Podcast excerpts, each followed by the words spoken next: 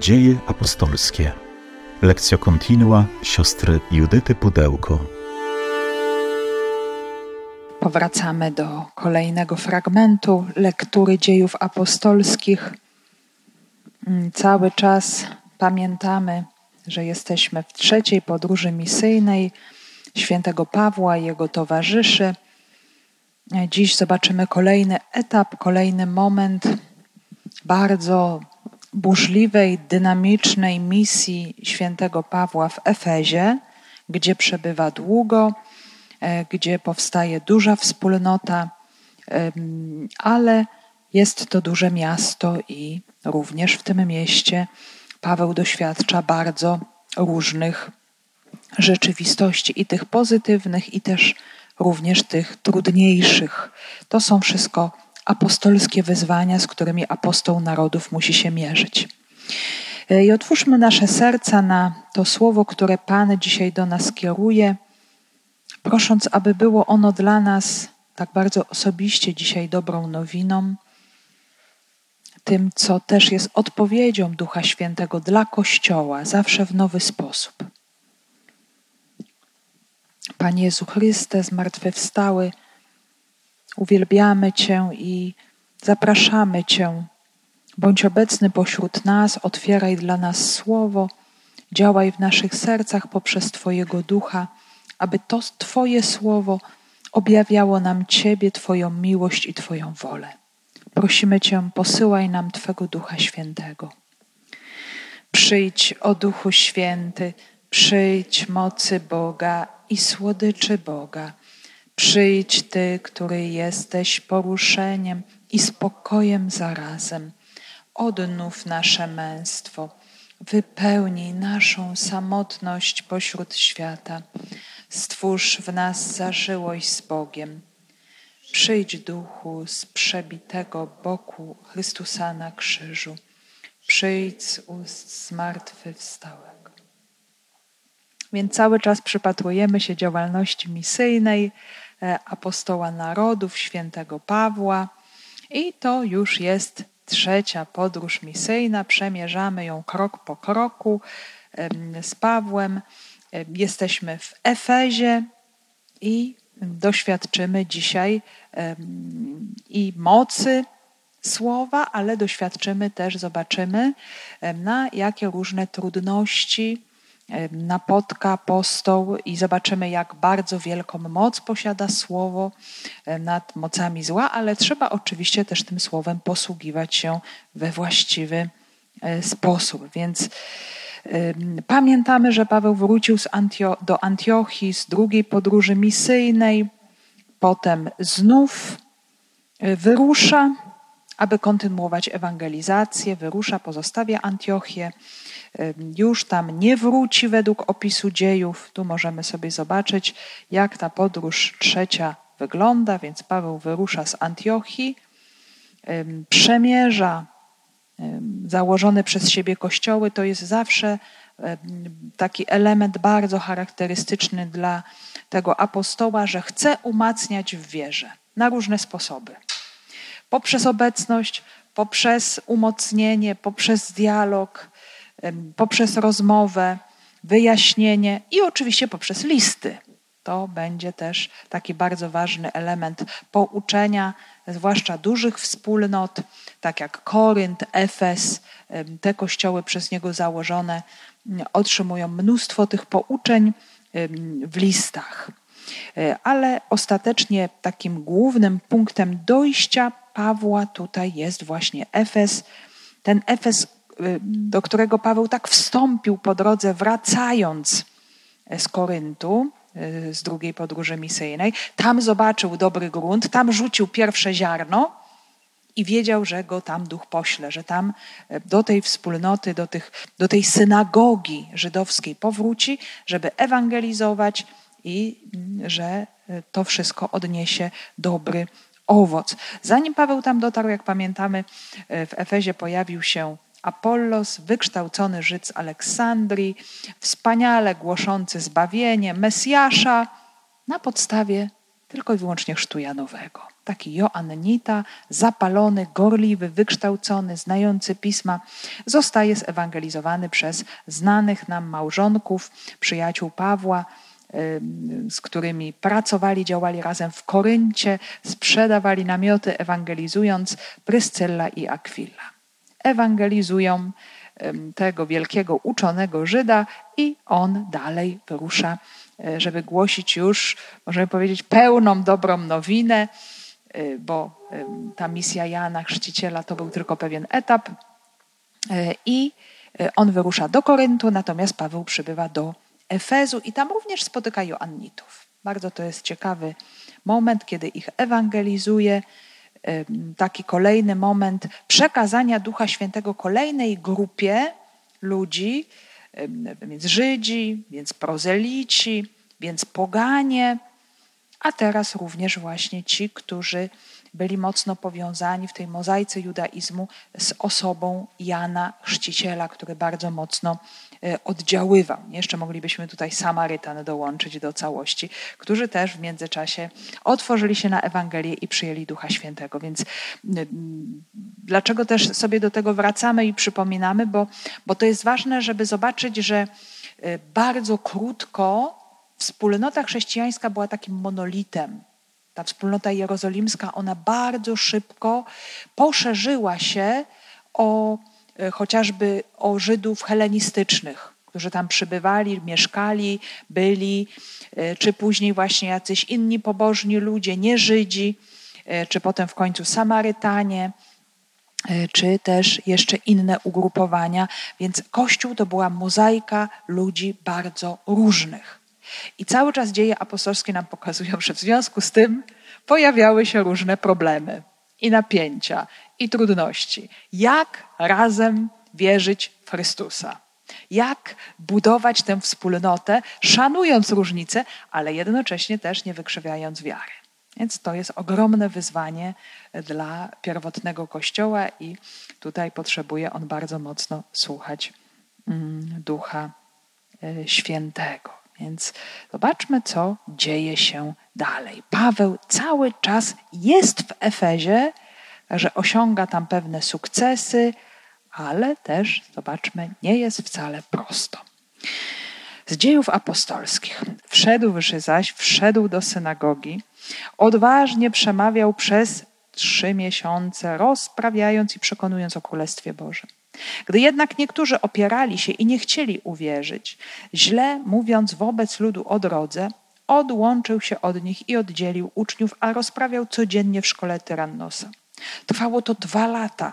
Także wszyscy mieszkańcy Azji, Żydzi i Grecy usłyszeli słowo Pańskie. Bóg czynił też niezwykłe cuda przez ręce Pawła. Także nawet chusty i przepaski z jego ciała kładziono na chorych, a choroby ustępowały z nich i wychodziły złe duchy. Ale i niektórzy wędrowni egzorcyści żydowscy spróbowali wzywać imienia Pana Jezusa, mówili nad opętanymi przez złego ducha: Zaklinam was przez Pana Jezusa, którego głosi Paweł. Czyniło to siedmiu synów niejakiego Skewasa, arcykapłana żydowskiego. Zły duch odpowiedział im: Znam Jezusa i wiem o Pawle, a wy coście za jedni? I rzucił się na nich człowiek, w którym był zły duch, powalił wszystkich i pobił tak, że nadzy i poranieni uciekli z owego domu. Dowiedzieli się o tym wszyscy Żydzi i Grecy mieszkający w Efezie i strach padł na wszystkich i wysławiano imię Pana Jezusa. Przychodziło też wielu tych, którzy uwierzyli, wyznając i ujawniając swoje uczynki. I wielu też z tych, co uprawiali magię, poznosiło księgi i paliło je publicznie. Wartość ich obliczono na 50 tysięcy drachm w srebrze. Tak rosło w potęgę i umacniało się słowo pańskie. Wszedłszy zaś, wszedł do synagogi, odważnie przemawiał przez trzy miesiące, rozprawiając i przekonując o Królestwie Bożym. Więc pierwszy etap nawrócenie Joannitów, a teraz to, o czym Paweł już myślał dużo wcześniej, nawiedzając Efes, a więc głoszenie, przybycie, wejście do synagogi żydowskiej w dużym mieście Efezie, Także to było, tak jak pamiętamy, czwarte miasto imperium, stolica Azji Mniejszej, dzisiejszej Turcji. Po Rzymie, Aleksandrii, Antiochii, Efes to była kolejna wielka metropolia. Y, mniej więcej 250 tysięcy ludzi, więc ogromne miasto jak na tamte czasy. Bardzo y, bogate, portowe, handlowe, bardzo zróżnicowane y, i mnóstwo oczywiście pogan, ale też duża wspólnota żydowska, synagoga. Także tam Paweł naucza i Łukasz podkreśla w sposób wolny, odważny. Parezja, to jest właśnie ten, to słowo, ten termin, który nam się pojawia już w Ewangeliach w odniesieniu do nauczania Jezusa, do, później do nauczania apostołów w dziejach apostolskich, czyli to jest takie głoszenie odważne, bez względów ludzkich, bez chęci ani przypodobania się komuś, co było bardzo częste, że mm, chciano się przypodobać komuś znaczącemu przez przemawianie pełne pochlebstwa, żeby coś uzyskać, albo właśnie no, mowy ludzi były pełne lęku, zależności.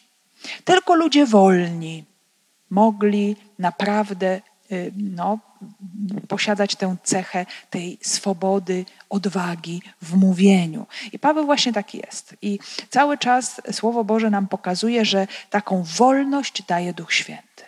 Daje bez względu na to, jaka będzie reakcja e, Pawłowi, nie zależy na tych względach ludzkich. E, doświadczył już tak wielu prześladowań, odrzucenia w synagodze Y, wie, że słowo jest pełne mocy, że ci, którzy chcą je przyjąć, je przyjmą. I ci, którzy je odrzucą, co oczywiście się dokonuje, y, nie są w stanie zatrzymać mocy y, Bożego Słowa. Ono działa, ono dotyka. Więc Paweł tutaj, mówi nam Łukasz, głosi rozprawia, przekonuje o Królestwie Bożym. To jest bardzo ważny temat dla Żydów w synagodze, bo oni oczekiwali tego ziemskiego królestwa. A oczywiście dla Pawła to Królestwo Boże to jest Jezus Chrystus. To jest to królestwo przez duże K, to jest królowanie Boga na ziemi, to jest otwarcie się na tą pełnię mocy Bożej, którą człowiek może przyjąć, zbawienie, to wyzwolenie nie tyle z jakiejś niewoli zewnętrznej, ile z niewoli, którą w człowieku rodzi grzech, potem konsekwentnie też e, całe zło świata no, wynika z tej niewoli wewnętrznej, z niewoli grzechu. Czyli wszyscy ludzie byliby posłuszni Bogu, nie byłoby również tego zła zewnętrznego, nie byłoby wojen, przemocy, gdyby wszyscy ludzie szli za Bogiem. Więc e, człowiek potrzebuje tego królowania, tego panowania Chrystusowego w człowieku, no i tak też rozumieli to pierwsi chrześcijanie, że oni, oni przenikali mm, ten zupełnie, możemy powiedzieć, no taki no przesiąknięty pogaństwem, przemocą, grzechem, złem świat, bardzo niesprawiedliwy świat Imperium Rzymskiego, ale w inny sposób. Nie za pomocą wojny, ale za pomocą mocy słowa pełnego Ducha Świętego, który dotykał ludzkich serc, przemieniał ludzkie serca, a potem też zmieniał obyczaje. Dzisiaj już coś z tego zobaczymy, a jeszcze bardziej następnym razem, kiedy będzie mowa już o, e, o upadkach, zresztą już o tym wcześniej też była mowa, o upadkach kultów pogańskich. Nie? To jest ta przemiana, która stopniowo, powoli dokonuje się dzięki głoszonemu słowu. To jest, to jest właśnie zupełnie inne królestwo. Ono się inaczej y, dokonuje, ale Paweł cały czas się na tym koncentruje. To będzie głosił, bo wie, że to jest przedmiotem oczekiwań narodu żydowskiego, a on pomimo y, całych problemów ze swoimi rodakami, przez całą swoją publiczną działalność, od, od momentu nawrócenia, aż do końca dziejów apostolskich, e, będziemy widzieć, że Paweł głosi wobec nich, że ich przekonuje, e, co chwilę strząsa oczywiście swoje odzienie, proch, że idzie teraz do pogan i że już koniec tego wszystkiego, ale potem, kiedy przychodzi do kolejnych miejsc, znów kieruje się do synagog żydowskich i przekonuje, że Jezus Chrystus jest Mesjaszem. E, no i zapewne wielu też wierzy, i się oddziela i idzie za Pawłem, ale tutaj Łukasz mówi o tych, którzy się opierali. Są przeciwni słowu. Człowiek może słowo odrzucić, może go nie przyjąć, jest wolny. I tutaj to opieranie się wyraża właśnie termin, który mówi o zatwardziałości. Serce staje się twarde, sklerotyczne, zatwardziałe, nie pozwalające przeniknąć mocy Bożej do wnętrza. Serce się staje kamienne. Jak sobie y, porównamy właśnie użyty tutaj termin z, z różnymi miejscami w Septuagincie, w Biblii greckiej, to, to jest postawa chociażby serca faraona, które staje się twarde.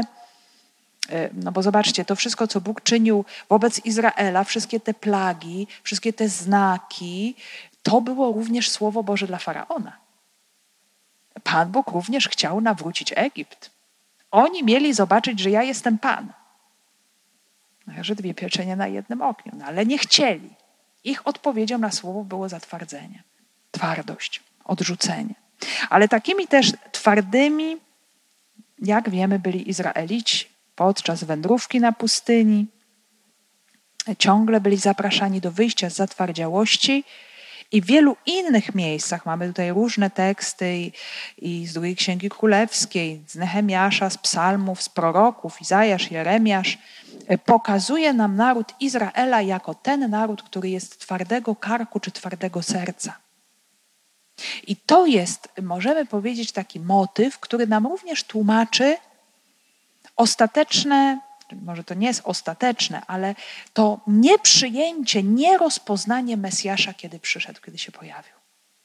Jest tak właśnie, jak się ciągle e, po trochu odrzuca Słowo Boże, odrzuca, traci się tę wrażliwość, tę miękkość tego serca. To serce się staje takie twarde, nieczułe, już nie rozpoznaje Bożego działania. I, i tutaj właśnie mamy też do czynienia z czymś y, takim. Y, I później właśnie ta zatwardziałość, ona dalej w kolejnym punkcie prowadzi do złych słów, oskarżeń drogi, czyli nauki Ewangelii, czyli wspólnoty chrześcijańskiej wobec ludu, wobec innych. I Paweł widzi, że już w tym momencie nie da się y, współistnieć i dalej głosić w takiej sytuacji. Czyli też możemy tutaj zobaczyć bardzo ciekawy, e, bardzo ciekawy e, proces, e, bardzo ciekawy proces oddzielenia znów chrześcijan od synagogi do punktu, do którego da się głosić, przebywać razem, przekazywać słowo Paweł to robi. Jest moment, kiedy już po prostu się nie da i Paweł zabiera uczniów, siebie i przenosi wspólnotę, oddziela wspólnotę od wspólnoty synagogalnej i działa dalej. Już taka rzecz dokonała się w synagodze korynckiej. Pamiętamy, przeniósł się do domu Tycjusza Justusa, a teraz tam to był dom jakiś właśnie, możemy powiedzieć, miejsce zapewne bogatego człowieka, który miał duży dom, gdzie było miejsce, gdzie chrześcijanie mogli się zebrać, gdzie mogli słuchać głoszenia słowa, gdzie potem mogli również celebrować Eucharystię, łamanie chleba. To wymagało też pewnego klimatu. Natomiast tutaj mamy jeszcze inne miejsce. Jest to szkoła. Szkoła Tyrannosa. Nic nie wiemy o tej osobie, kim był Tyrannos. Tutaj są różne hipotezy. Zazwyczaj y, możemy je podzielić na dwie grupy. Jedni uważają, że był to Żyd, który miał szkołę Tory, czyli Bet Hamidrash i bardzo rzeczy rozpowszechnione, miejsca rozpowszechnione również w diasporze, w Imperium Rzymskich, y, przekazywanie pouczeń młodym chłopcom żydowskim właśnie w takich szkołach E, i zapewne też w godzinach, w których e, no, nie było pouczeń Tory, Paweł mógł wykorzystywać to miejsce do głoszenia Ewangelii. Albo może był to jakiś poganin Grek, który miał szkołę filozoficzną albo e, retoryczną, uczył wymowy i również w godzinach przystępnych mógł udostępnić swoje lokum dla, dla Pawła. Więc albo jedno, albo drugie. Ale jest to już właśnie jakieś inne miejsce. To już nie jest dom, ale jest to takie wejście w struktury życia miasta, w struktury życia społecznego. Że Ewangelia zaczyna przenikać, że już więcej ludzi może się dowiedzieć o tym, aha, tutaj w tej szkole, oprócz innych pouczeń, jest jeszcze właśnie takie słowo. I to mogło ludzi zaciekawiać, przyciągać, bo Ewangelia tutaj wchodzi właśnie w te ramy edukacji, spotyka się z kulturą, no, też zaczyna przenikać miasto. Potem jest to bardzo mocno zauważane, powtarzane, że no, Paweł oczywiście był bardzo długo w Efezie, ale że no, bardzo wielu ludzi poznało i tych z Efezu, i tych przybyszy z różnych stron Azji mogło usłyszeć, mogło usłyszeć Ewangelię, ponieważ trwało to dwa lata. I, I Łukasz to podkreśla. Oczywiście tak bardzo przesadny sposób, że wszyscy mieszkańcy Azji. No, nie możemy tutaj stwierdzić z całą pewnością, że wszyscy, bo to jest dosyć duży obszar, ale na pewno wielu, bardzo wielu tych, którzy przynależeli i do wspólnoty żydowskiej, i do wspólnoty, i do grup pogańskich, Greków czy innych nacji pogańskich mogli usłyszeć Ewangelię. Nie? W związku z tym, że Efes był miastem portowym, y, że no właśnie prowadzono handel, że y, było to też miejsce szczególnych kultów pogańskich, o czym sobie będziemy mówić następnym razem, o wielkiej, ogromnej świątyni Artemidy Efeskiej, która też przyciągała licznych pielgrzymów. Także było to miejsce, które no, było dobrym punktem do głoszenia Ewangelii. Paweł właśnie takie miejsca bardzo lubił. No, tak jak Ateny może były takim, takim symbolem kultury, elokwencji, filozofii, no, ze względu na te szkoły, które tam istniały, czy właśnie arystotelesowską, czy platońską, czy później stoicy, epikurejczycy, ale to nie był taki tygiel, to nie było miejsce tak bardzo powszechnie odwiedzane, jak na przykład właśnie Korynt czy Efes, mm, które to były miasta przede wszystkim związane z kultami pogańskimi, z handlem. Handel, wszędzie handel i to nam potwierdza też archeologia, pokazując ogromne rynki, bazary, byśmy powiedzieli galerie handlowe. I, i Paweł wykorzystywał te wielkie centra kultury, świata pogańskiego, e, gdzie się pojawiało mnóstwo ludzi do tego, żeby Ewangelia się rozszerzała i żeby słowo rosło. Tak jak zresztą e, Łukasz to stwierdza dzisiaj w podsumowaniu dzisiejszego fragmentu. Więc komunikacja, drogi handlowe, wszystko to, co miało służyć imperium, rozrostowi imperium rzymskiego, tak naprawdę zostaje wykorzystane przez ewangelizację, przez, przez Pawła, przez y, głosicieli Chrystusa żeby dotrzeć ze słowem. Ale dzieje się jeszcze coś więcej. Bóg czynił też niezwykłe cuda przez ręce Pawła. Także nawet chusty i przepaski z jego ciała kładziono na chorych, a choroby ustępowały z nich i wychodziły złe duchy. Czyli nie tylko e, głoszenie i nauczanie pełne mocy ducha, y, które dotyka serc, które przekonuje, objawia Chrystusa, zaprasza do zbawienia, ale jeszcze mamy y, przejawy mocy, które są potwierdzeniem Bożego działania. I tutaj jest mowa o uzdrawianiu z chorób ciała, leczenia chorych i uwalniania od złych duchów. Czyli taki możemy powiedzieć podwójny aspekt cudów. One dotyczą ciała i one dotyczą ducha. Oczywiście uzdrowienia nie są celem, one są tylko pewnym objawem, oznaką, przejawą mm, działania Bożego. Podobnie też y, było przedstawiane, opisywane działanie Jezusa w Ewangeliach, że Jezus uwalniał od złych duchów i słabości. Na przykład kobiety Ewangelii Łukasza, te, które dzielnie za nim szły, były uwolnione od złych duchów i słabości, chorób, czyli właśnie tak bardzo Jezus integralnie potraktował ich osoby, aby były zdrowe i na ciele, i na duszy. I potem one właśnie za nim szły aż do końca i stały się jego e, apostołkami. Ale tutaj ten sposób uzdrawiania jest szczególny. Dokonuje się to przez chusty i przepaski, czyli tkaniny, które miały bezpośredni kontakt z ciałem apostoła. Taki możemy powiedzieć prototyp relikwii.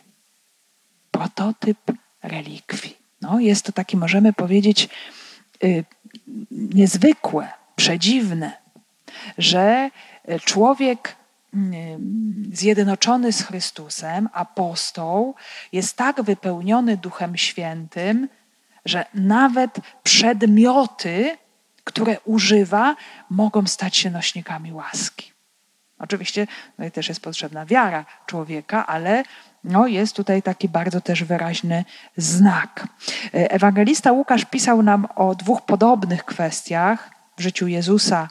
E, chorzy chcieli dotykać jego szaty albo frędzli, chcieli się chwycić i wierzyli, że uzyskają zdrowie. Możemy sobie znów tu przypomnieć kobietę krwawiącą chociażby, ale też innych chorych, którzy byli wystawiani na miejsca otwarte i wyciągali swoje ręce, żeby właśnie tylko dotknąć szat Jezusa. E, a dzieje apostolskie jeszcze bardziej nam tutaj no, rzecz rozwinęły, bo w piątym rozdziale uzdrawia cień apostoła Piotra. Ludzie wystawiają również swoich chorych na ulicę. Piotr przechodzi.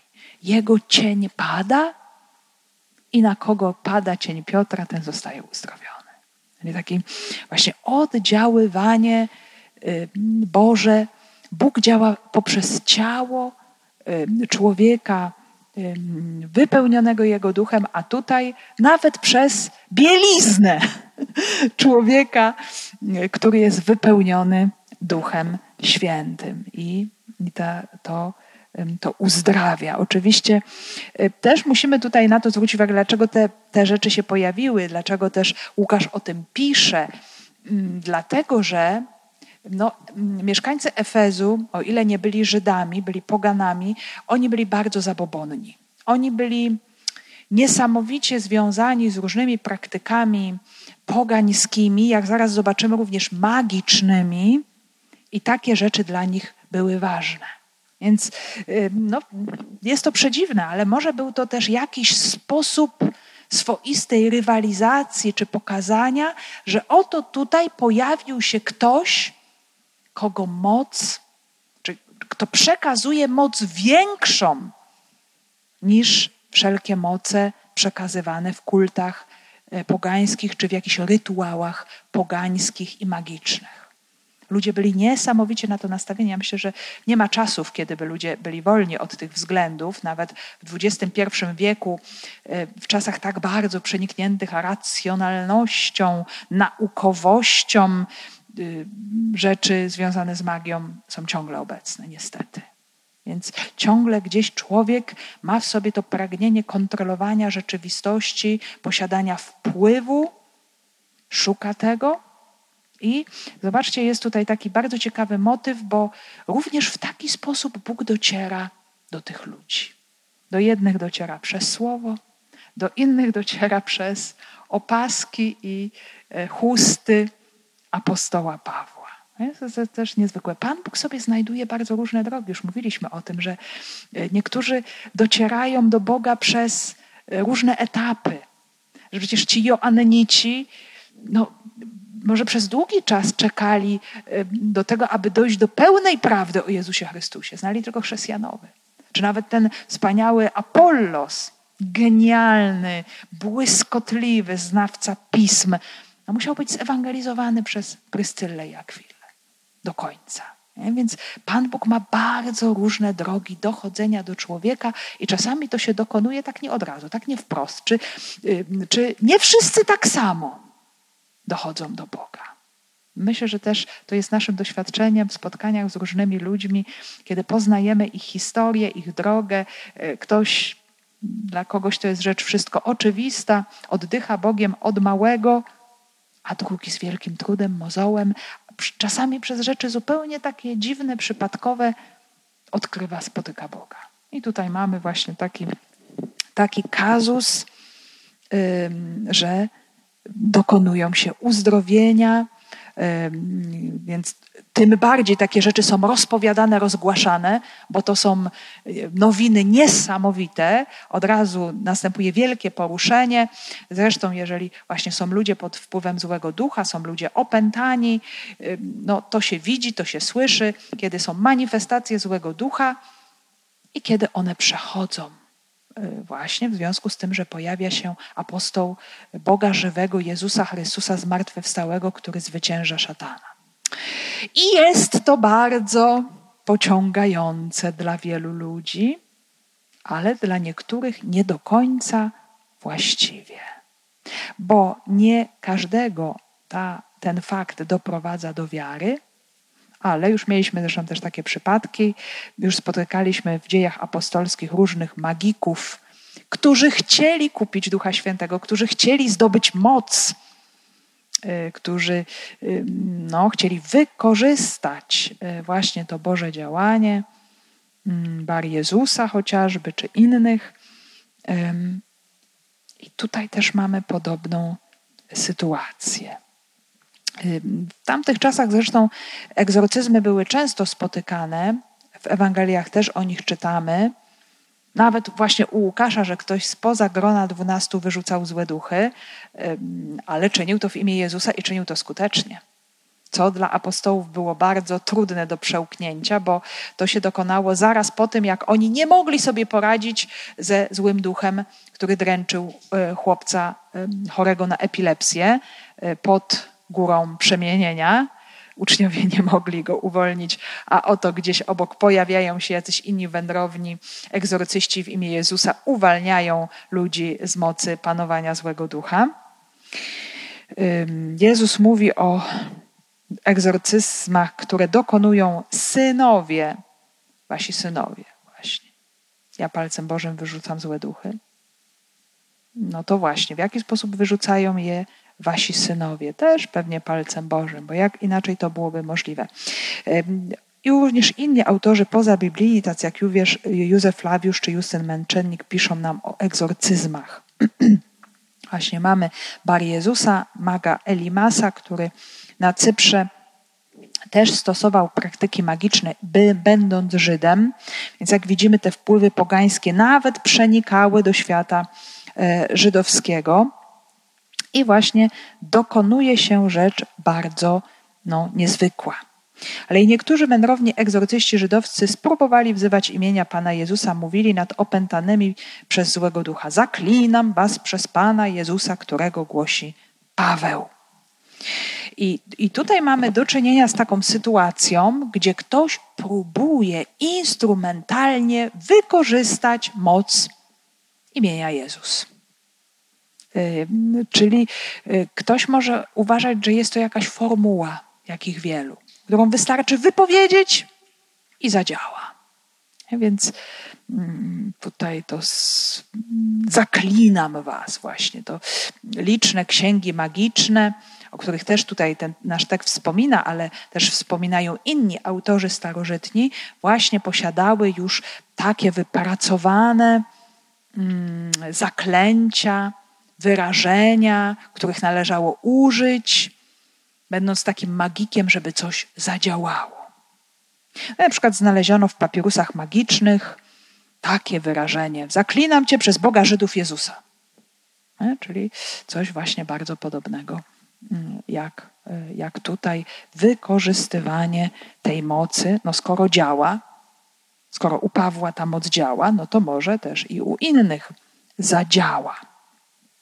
Czyniło to siedmiu synów niejakiego Skewasa, arcykapłana żydowskiego. Zły duch odpowiedział im: Znam Jezusa i wiem o Pawle, a wy coście za jedni. Znów bliżej nieznana osoba, Skewas i jego synowie, nazwany tu arcykapłanem żydowskim, chociaż nie ma go e, na liście arcykapłanów żydowskich publikowanych w Jerozolimie czy przekazywanych chociażby przez Józefa Flawiusza, może po prostu tak potocznie mówiono o tej rodzinie w taki sposób, może była to po prostu rodzina kapłańska, rod kapłański. Widać, że Łukasz też nie za bardzo się w tej kwestii orientuje, bo pisze niejaki Skewas, czyli prawdopodobnie to był taki człowiek i mówiono o nim pewnie, że e, to jest rodzina kapłańska, czy też nawet arcykapłańska. E, I synowie tego człowieka, tego kapłana, próbują dokonać egzorcyzmu w imię Jezusa, którego głosi Paweł. Ale w zamian pojawia się antyegzorcyzm, czyli odpowiedź demona, który sobie kpi z tych słów, które słyszy, bo egzorcyści nie mają żadnej mocy nad demonem. Dlaczego? Bo nie mają relacji z, ze źródłem mocy, czyli z Jezusem Chrystusem. To jest, możemy powiedzieć, tutaj ten punkt najważniejszy. Masz moc, jeżeli jesteś do tej mocy życiodajnej podłączony. Jeżeli masz z nią więź, masz z nią relację, działasz naprawdę w imię Jezusa, który jest dla ciebie wszystkim. Tutaj czegoś takiego nie ma. Jest próba instrumentalnego traktowania mocy Jezusa. Więc y, dla demona Jezus jest Bogiem, on przed nim drży. Widzi również w Pawle, zna go, przejawy mocy Jezusa. Wie, że Paweł jest jedno z Jezusem i dlatego poddaje się Pawłowi. Paweł może wyrzucać złe duchy. Paweł jest wierzącym w Jezusa i jego moc, ale właśnie egzorcyzm to nie jest automatyczne zaklęcie. Nie? To po prostu nie działa. To jest uzurpacja. To są uzurpatorzy, którzy instrumentalnie próbują posługiwać się mocą Jezusa. No i efekt jest tutaj porażający, przerażający nawet, taki widowiskowy i też bardzo przykry. I rzucił się na nich człowiek, w którym był zły duch, powalił wszystkich i pobił tak, że nadzy i poranieni uciekli z owego domu. Zobaczcie, tak się może stać, kiedy człowiek w sposób no, taki bezmyślny, bez wiary, próbuje wykorzystać świętość dla własnych celów. Nie? To, jest, to jest takie działanie świętokradcze dosłownie. E, właśnie kradzenie świętości bezprawne, używanie tej świętości, nie? takie mm, podszywanie się pod y, kogoś, kto posiada moc Jezusa, kto jest związany z Jezusem. Nie? Więc jest to też jakaś taka przestroga, ogromna przestroga dla Kościoła. Kto może wypowiadać takie słowa pełne mocy? Tylko ten, kto jest, kto jest wierzącym i jest do tego posłany. My wiemy, że y, uroczysty egzorcyzm no, przynależy jedynie do, tak naturalnie do biskupów, więc y, głowa diecezji, wiadomo, papież każdorazowy czy biskupi, oni są już, możemy powiedzieć, z samego swojego urzędu egzorcystami i mogą sprawować egzorcyzmy, i oni posyłają w ich imieniu, y, właśnie przekazują tę władzę Kościoła nad y, złymi duchami również innym kapłanom. I w żadnym innym przypadku nie można tego robić, bo e, tutaj słowo nam pokazuje, możesz sobie zaszkodzić.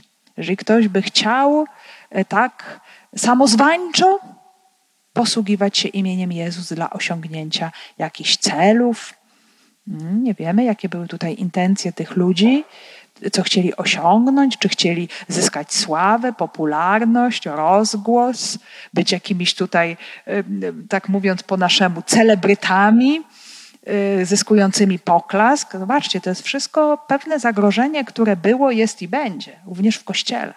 Że pojawiają się ludzie, y, no, którzy nie są posłani do pewnych zadań, a próbują je robić. Więc tutaj trzeba być ogromnie mądrym, przezornym, y, widząc pewnego rodzaju zjawiska niezwykłe, dokonujące się, jakieś grupy z nadzwyczajnymi rzeczami. Trzeba to sprawdzać zawsze czy to jest z Boga, czy to jest z Kościoła, czy to ma związek właśnie z oficjalnym posłaniem. Bo wielu ludzi może próbować uzurpować sobie pewne działania, głoszenia i czynią to właśnie w swoim imieniu, podszywając się pod imię Jezusa Chrystusa. Więc tego rodzaju sytuacje są i się dokonują również w naszych czasach. E, I jest jakaś swoista nauczka dla tych ludzi, myślę, że na całe życie, bo właśnie Bóg w normalnych sytuacjach chroni człowieka i w sytuacjach egzorcyzmu, nawet kiedy są jacyś ludzie obok, y, to Bóg chroni, nie pozwala, żeby się komuś stała jakaś krzywda. On jest Panem ostatecznie no, zwyciężającym demona, więc częściej taki opętany może sobie szkodzić, może siebie ranić. Pamiętamy te opisy z Ewangelii synoptycznych, jak człowiek, w którym był legion, siedział skuty łańcuchami, które rozrywał, miał nadludzką siłę i wszyscy się go bali i uciekali stamtąd. Tak tutaj właśnie ta ogromna siła zostaje wykorzystana w niewłaściwy sposób, e, ale e, pseudoegzorcyści dostają nauczkę, zostają pobici, odarci z szat nago, e, poranieni, uciekają z owego domu, ratując swe życie, co oczywiście zostało zauważone, dostrzeżone przez mieszkańców Efezu. Dowiedzieli się o tym wszyscy Żydzi i Grecy mieszkający w Efezie. I strach padł na wszystkich i wysławiano imię Pana Jezusa. Więc mm, i Żydzi, i poganie widzą, słyszą, y, wieść się roznosi. Widzą, że imię Jezusa to nie jest formuła magiczna, którą mogę się posługiwać dla swojego widzimisię. Że tu jest coś innego. Że tu jest wiara, że tu jest więź, że tu jest oddanie, poddanie całego swojego życia Jezusowi. Kiedy On się staje Panem, kiedy On obejmuje człowieka w posiadanie, to wtedy On sam również może się nim posługiwać i dokonywać czynów i dzieł wielkiej mocy. Nie, Bóg nie pozwoli się traktować instrumentalnie, więc potęga, którą nie można manipulować i to budzi bardzo właściwą reakcję, czyli bojaźń. Nie? Człowiek staje wobec mocy, która go przerasta. To mu daje też też do myślenia, że on sam no, nie może sobie ze wszystkimi poradzić, y, y, ze wszystkim poradzić. Przychodziło też wielu tych, którzy uwierzyli, wyznając i ujawniając swoje uczynki. Dodatkowo, oprócz tego, że ludzie y, są przejęci, są dotknięci, zobaczmy, no to dziwne dosyć wydarzenie, takie niezwykłe, trochę spektakularne, ono znów ma jakieś konkretne jeszcze zupełnie jakby niezamierzone skutki. Bóg się znów może posługiwać bardzo różnymi sytuacjami. Głoszone słowo, opaski i chusty z ciała Pawła, a teraz właśnie takie widowisko z pobiciem pseudoegzorcystów. I to powoduje w kimś jakieś, jakąś refleksję i, i, i kogo to dotyczy tych, którzy uwierzyli. I, I to nie byli ludzie, którzy uwierzyli w tym momencie, widząc właśnie to, co się stało.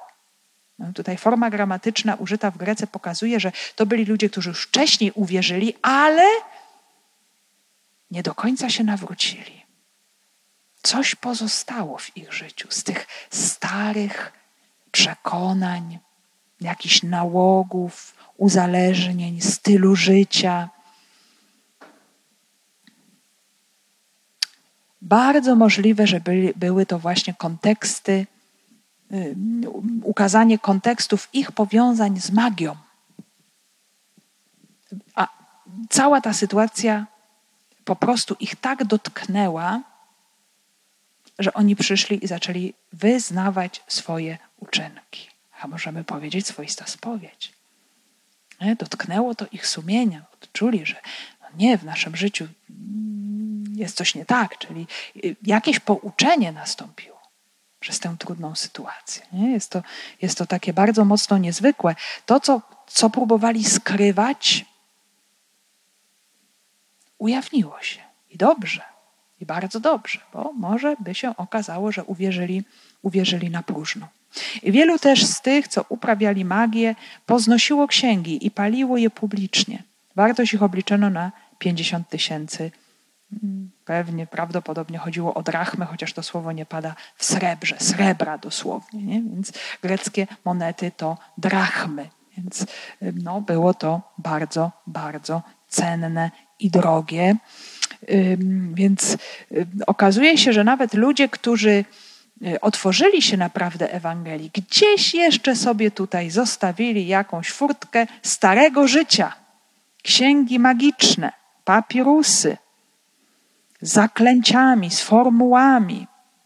Może niektóre były takie, wydawałoby się, no, niegroźne, takie po prostu zaklęcia czy formuły, które miały sprowadzać szczęście, no coś wywołać pozytywnego w ich życiu, zapanować nad rzeczywistością.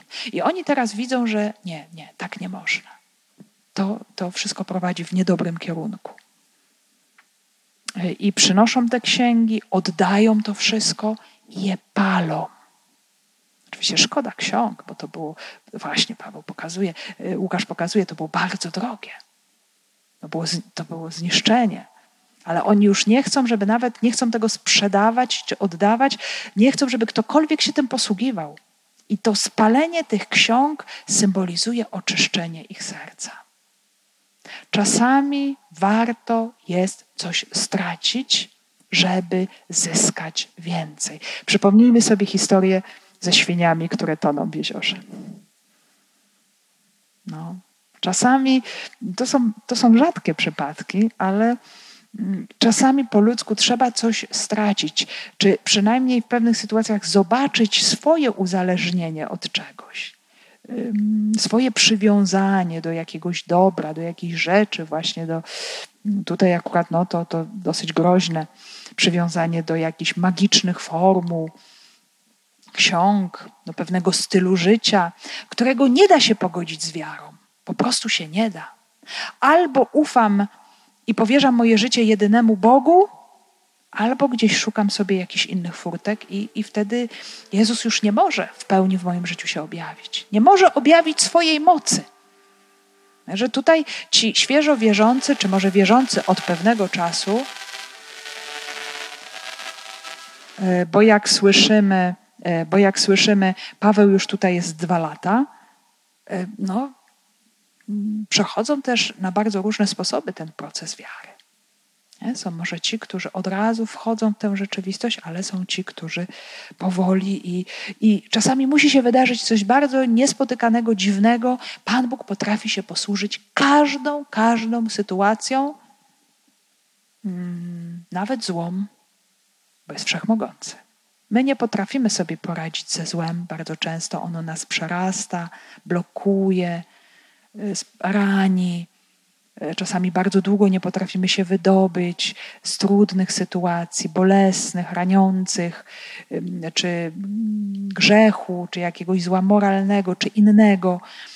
Natomiast Bóg, ponieważ jest wszechmogący, On potrafi nawet takie sytuacje e, wykorzystać, żeby pomóc człowiekowi. I tutaj to bardzo wyraźnie widać. Nie? Sytuacja była zła, pod każdym względem, bo uzurpacja, instrumentalne traktowanie imienia Jezus, no człowiek opętany, pobicie tamtych biedaków siedmiu, nic dobrego. A jednak ostatecznie coś to potrafiło tych ludzi nauczyć, coś im pokazać, że y, ostatecznie moc Jezusa uderza również w magię, uderza w cały ten styl pogańskiego życia i mm, taki już możemy powiedzieć szczyt e, tej mocy mm, zobaczymy w następnym fragmencie.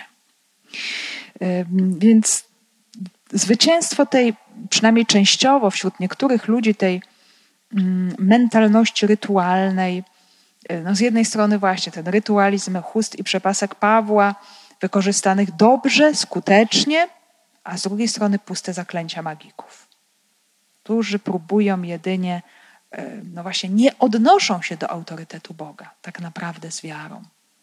Nie idą do, do, do tego, który naprawdę daje życie i ma moc. Nie? Tutaj y, możemy y, zobaczyć właśnie, gdzie szukam ostatecznie mojego wyzwolenia, mojego ocalenia, mm, czy w jakichś ziemskich rzeczach, czy, czy właśnie w tej mocy Jezusa Chrystusa.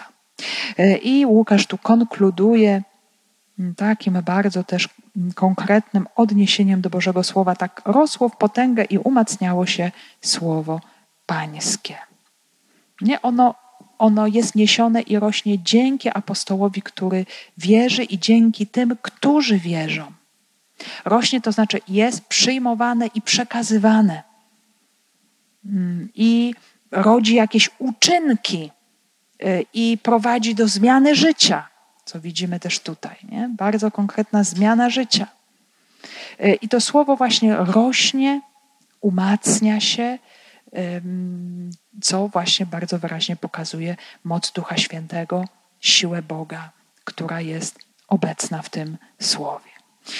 Także się, moi drodzy, tutaj zatrzymamy w tym momencie i niech, niech to słowo dzisiaj pokazuje nam to różnorodność działania Bożego, y, różnorodność również ludzkiej odpowiedzi na Boże Słowo i tego, że Pan Bóg do każdego szuka y, dojścia y, w jakiś bardzo indywidualny, osobisty sposób. I czasami również w naszym życiu mogą, y, może znaleźć taki sposób, jakiego byśmy nie wymyślili, żeby nas spotkać i żeby nas zbawić.